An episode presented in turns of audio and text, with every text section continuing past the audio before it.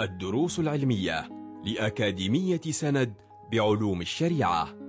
المرحلة الأولى شرح ميسر لمجموعة من المتون المختصرة تفيد المتلقي في دنياه وآخرته.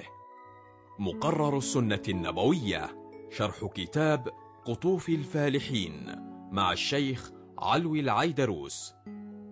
بسم الله الرحمن الرحيم. الحمد لله. وصلى الله وسلم وبارك على سيدنا رسول الله وعلى آله وصحبه ومن والاه. أهلا وسهلا بكم في درس جديد من دروس كتاب قطوف الفالحين. وقد توقفنا وإياكم عند الحديث الثامن والثلاثين. عن أبي سعيد الخدري رضي الله عنه قال سمعت رسول الله صلى الله عليه وآله وصحبه وسلم يقول من رأى منكم منكرا فليغيره, فليغيره بيده. فإن لم يستطع فبلسانه. فإن لم يستطع فبقلبه. وذلك أضعف الإيمان رواه مسلم. راوي الحديث هو الصحابي الجليل الفقيه مفتي المدينة أبي سعيد الخدري واسمه سعد بن مالك بن سنان.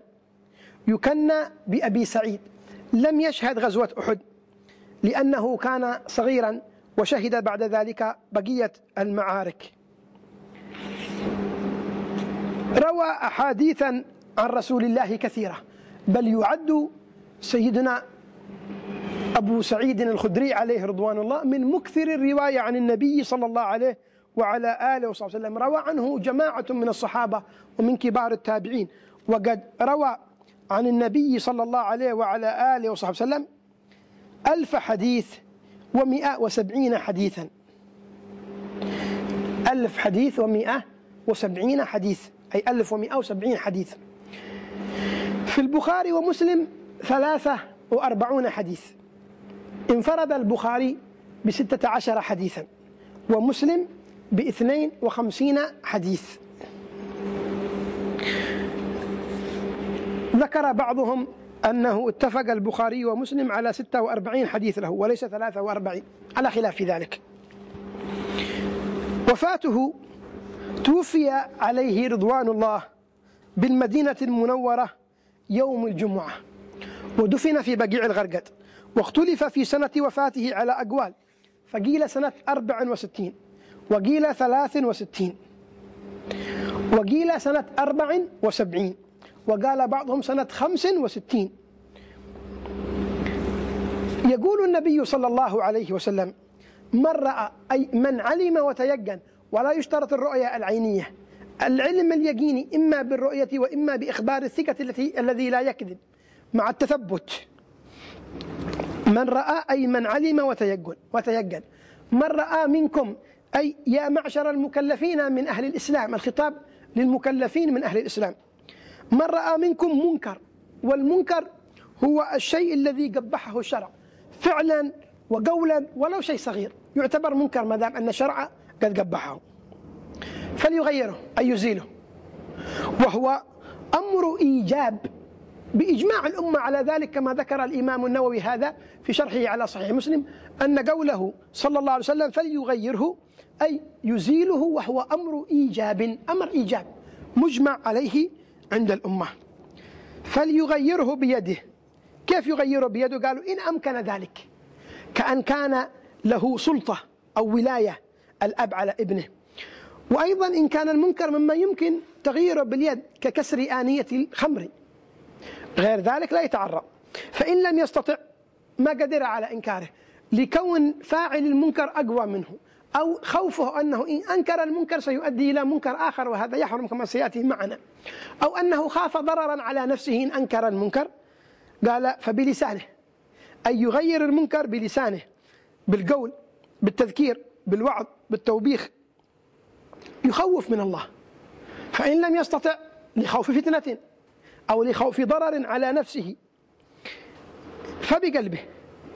أي فلينكر المنكر وجوبا بقلبه ويتمنى زواله ويعزم.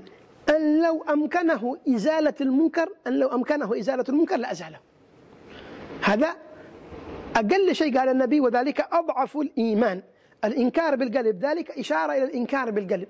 وذلك أضعف الإيمان أي أقل ثمرة من ثمرات الإيمان أن يتمنى زواله وأن يعزم أنه لو استطاع أن يزيل المنكر لأزاله الأمر بالمعروف والنهي عن المنكر هو أمر واجب وهو من فروض الكفاية. إذا قام به بعض الناس سقط الإثم عن الباقين كما ذكر الإمام النووي عليه رحمة الله. هناك شرط يجب أن يتوفر في الآمر بالمعروف والنهي عن المنكر. ليس كل إنسان يمكن أن يأمر بالمعروف وينهى عن المنكر. يشترط في الآمر بالمعروف والناهي عن المنكر أن يكون عالما بما يأمر به وينهى عنه. وذلك يختلف باختلاف ما يأمر به وينهى عنه. أن يكون ينهى عنه ويعرف أن هذا منكر. ما هو يجي ينهى عن المنكر وهو معروف. ويأمر بالمنكر ويظن أنه يأمر بالمعروف. ينهى عن المعروف وهو منكر. وهكذا يخبط. يخبط. لابد أن يكون عالما يعرف متنبها. وهل يشترط في الأمر بالمعروف والنهي عن المنكر؟ كمال الحال لمن يقوم به. قالوا لا يشترط ذلك. قد يكون هو أيضا واقع في منكر لكنه ينهى عن هذا المنكر الذي هو يقع فيه أو منكر آخر. واجب عليه أن ينهى عنه ولا يشترط أن يكون هو مبتعد عنه. يقول أنا لن أنهى عن هذا المنكر لأنني واقع فيه. أنت مطلوب منك أمرين أن تنهى نفسك فتبعد عن المنكر وأن تنهى غيرك إن وقع فيه. فإن وقعت أنت في المنكر فلا تترك أيضا أن تنهى عمن وقع في المنكر. فإن وقعت في المنكر ولم تنهى عما وقع في المنكر فقد تركت واجبين. تركت واجبين. الواجب الأول لم تنهى نفسك. الواجب الثاني لم تنهى غيرك. انهى نفسك وانهى غيرك. فإن غلبت عليك نفسك ووقعت في الذنوب في المعاصي لا يمنعك ذلك أن تنهى عن الوقوع في المنكر وأن تجاهد نفسك على أن تترك أن تترك الوقوع في هذا المنكر. ولا يختص الأمر بالمعروف والنهي عن المنكر أصحاب الولايات. لا كل إنسان يمكن أن يأمر بالمعروف وينهى عن المنكر بقصد الاستطاعة مع حمل الرحمة مع حمل الرحمة. طيب لو غلب على ظنه أنه لو أمر بالمعروف ونهى عن المنكر ونهى عن المنكر أنه لن يقبل منه هل يتركه؟ لا ما يتركه. وإن غلب على الظن عدم القبول فذكر إنما أنت مذكر لست عليهم بمسيطر. وذكر فإن الذكرى تنفع المؤمنين. يقول الله سبحانه وتعالى هناك شروط للأمر بالمعروف والنهي عن المنكر. من أهمها أن يكون ما يؤمر به أو ينهى عنه مما أجمع على وجوبه أو أجمع على تحريمه. أما شيء مختلف فيه لا يجوز أن ننهى. هذا قال بجوازه عالم معتبر خلاف معتبر. ليس خلاف غير معتبر خلاف معتبر. قال به عالم معتبر بأدلة عنده أو باستنباط من أدلة. فلا يجوز لأحد يجي ينهى عنه. عندك أنت كمذهبك مذهب شافعي عند غيرك يمكن يجوز مذهب آخر. لا يجوز أن تنهى لأن للمذاهب سعة. كذلك يشترط أن لا يغلب على ظنه أن إنكاره للمنكر سيؤدي إلى منكر آخر. فهنا يحرم الإنكار لأن هذا المنكر سيؤدي إلى منكر إلى منكر آخر. كذلك من الشروط أن يرفق في أمره بالمعروف والنهي عن المنكر وأن يحمل الرحمة خصوصا بالجاهل الإنسان الجاهل الذي ما يعرف. قد يرتكب الإنسان معصية يظن أنها ليست بمعصية فيحتاج منك إلى الرحمة.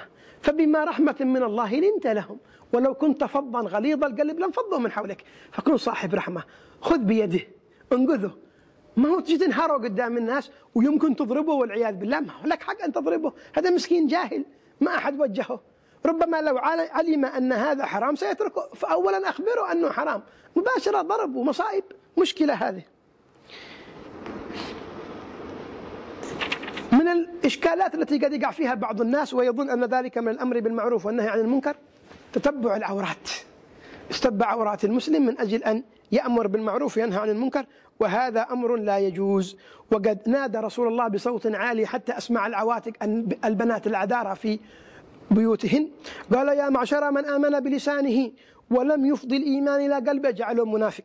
لا تؤذوا المسلمين ولا تعيروهم ولا تتبعوا عوراتهم فإنه من تتبع عورة أخيه المسلم تتبع الله عورته ومن تتبع الله عورته يفضحه ولو في جوف رحله. ما يجوز تتبع العورات. الحاكم ممكن غير الحاكم؟ لا. يجي يتبع الناس فين يروح؟ إيش يعمل؟ يتجسس عليه في البيت. استغفر الله. أنت واقع في حرام. أنت الآن واقع في منكر. تريد إيش؟ قال أريد أن أنهى عن المنكر. أنت المنكر بذاته. استب عورات المسلمين. فهذا لا يجوز. يستفاد من الحديث وجوب تغيير المنكر بكل ما أمكنه بما ذكر في الحديث. أن إنكار المنكر إنما يتعلق بتحقق وجود المنكر دون تتبع العورات. دون تتبع العورات. أن من قدر على خصلة من خصال الإيمان وفعلها أفضل ممن تركها عجزا. الحديث التاسع والثلاثون عن حذيفة رضي الله عنه عن النبي صلى الله عليه وسلم قال والذي نفسي بيده لتأمرن بالمعروف ولتنهون عن المنكر أو ليوشكن الله أن يبعث عليكم عقابا منه ثم تدعونه فلا يستجاب لكم. رواه الترمذي وقال حديث حسن. راوي الحديث هو الصحابي الجليل حامل سر رسول الله صلى الله عليه وسلم حذيفة بن اليمان. حذيفة بن اليمان عليه رضوان الله. له فضائل كثيرة من أهمها أنه حامل سر رسول الله صلى الله عليه وعلى آله وصحبه وسلم. روى سيدنا أبو حذيفة روى سيدنا حذيفة ابن اليمان عن رسول الله صلى الله عليه وسلم مئة حديث وقليل. اتفق البخاري ومسلم منها على اثني عشر حديث. وانفرد البخاري بثمانية ومسلم بسبعة عشر حديث. توفي عليه رحمة الله بالمدائن بعد مقتل أمير المؤمنين سيدنا عثمان بن عفان رضي الله عنه بأربعين ليلة. بأربعين ليلة. كان ذلك في بداية عهد أمير المؤمنين سيدنا علي بن أبي طالب كرم الله وجهه. كانت وفاته سنة ست وثلاثين عليه رضوان الله. يقول صلى الله عليه وسلم والذي نفسي بيده. الواو للقسم. والذي نفسي بيده. الواو للقسم. فيقسم النبي بالله لأن نفسه بيد الله. لتأمرن بالمعروف ولتنهون عن المنكر. أي إما أن تقوموا بفريضة الأمر بالمعروف والنهي عن المنكر بتمامها وبشروطها التي مر الكلام عنها في الحديث السابق أو هذه عاطفة. والمعنى أي ليكون أحد الأمرين. إما امتثال ما أمرتم به من الأمر والنهي أو وقوع ما أنذرتم به. أو ليوشكن الله أي ليسرعن وهي مضارع أو شك من أفعال المقاربة من أفعال المقاربة ليوشكن الله ليسرعن الله أن يبعث أي أن يرسل.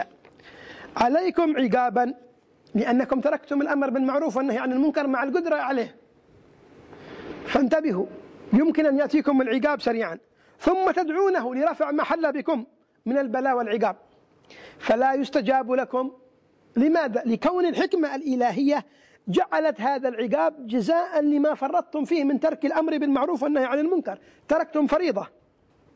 وفي ذلك دلالة على أن المنكر إذا لم ينكر عم شؤمه عم شؤمه الكل. فيستفاد من الحديث أن الأمر بالمعروف والنهي عن والنهي عن المنكر به يستدفع البلاء. وترك الأمر بالمعروف والنهي عن المنكر سبب لنزول البلاء. فانتبه أيها المؤمن. أقم الأمر بالمعروف والنهي عن المنكر وإلا سينزل البلاء. بك وبمن حواليك.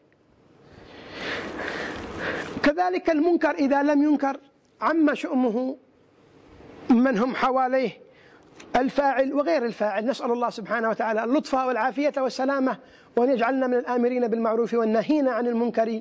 آمين. اللهم آمين. صلى الله على سيدنا محمد النبي الأمي وعلى آله وصحبه وسلم. والحمد لله رب العالمين. كنتم مع الدروس العلمية لأكاديمية سند بعلوم الشريعة. يمكنكم متابعة جميع الدروس عبر موقع الأكاديمية وتطبيقاتها الإلكترونية. سند علم سلوك دعوة.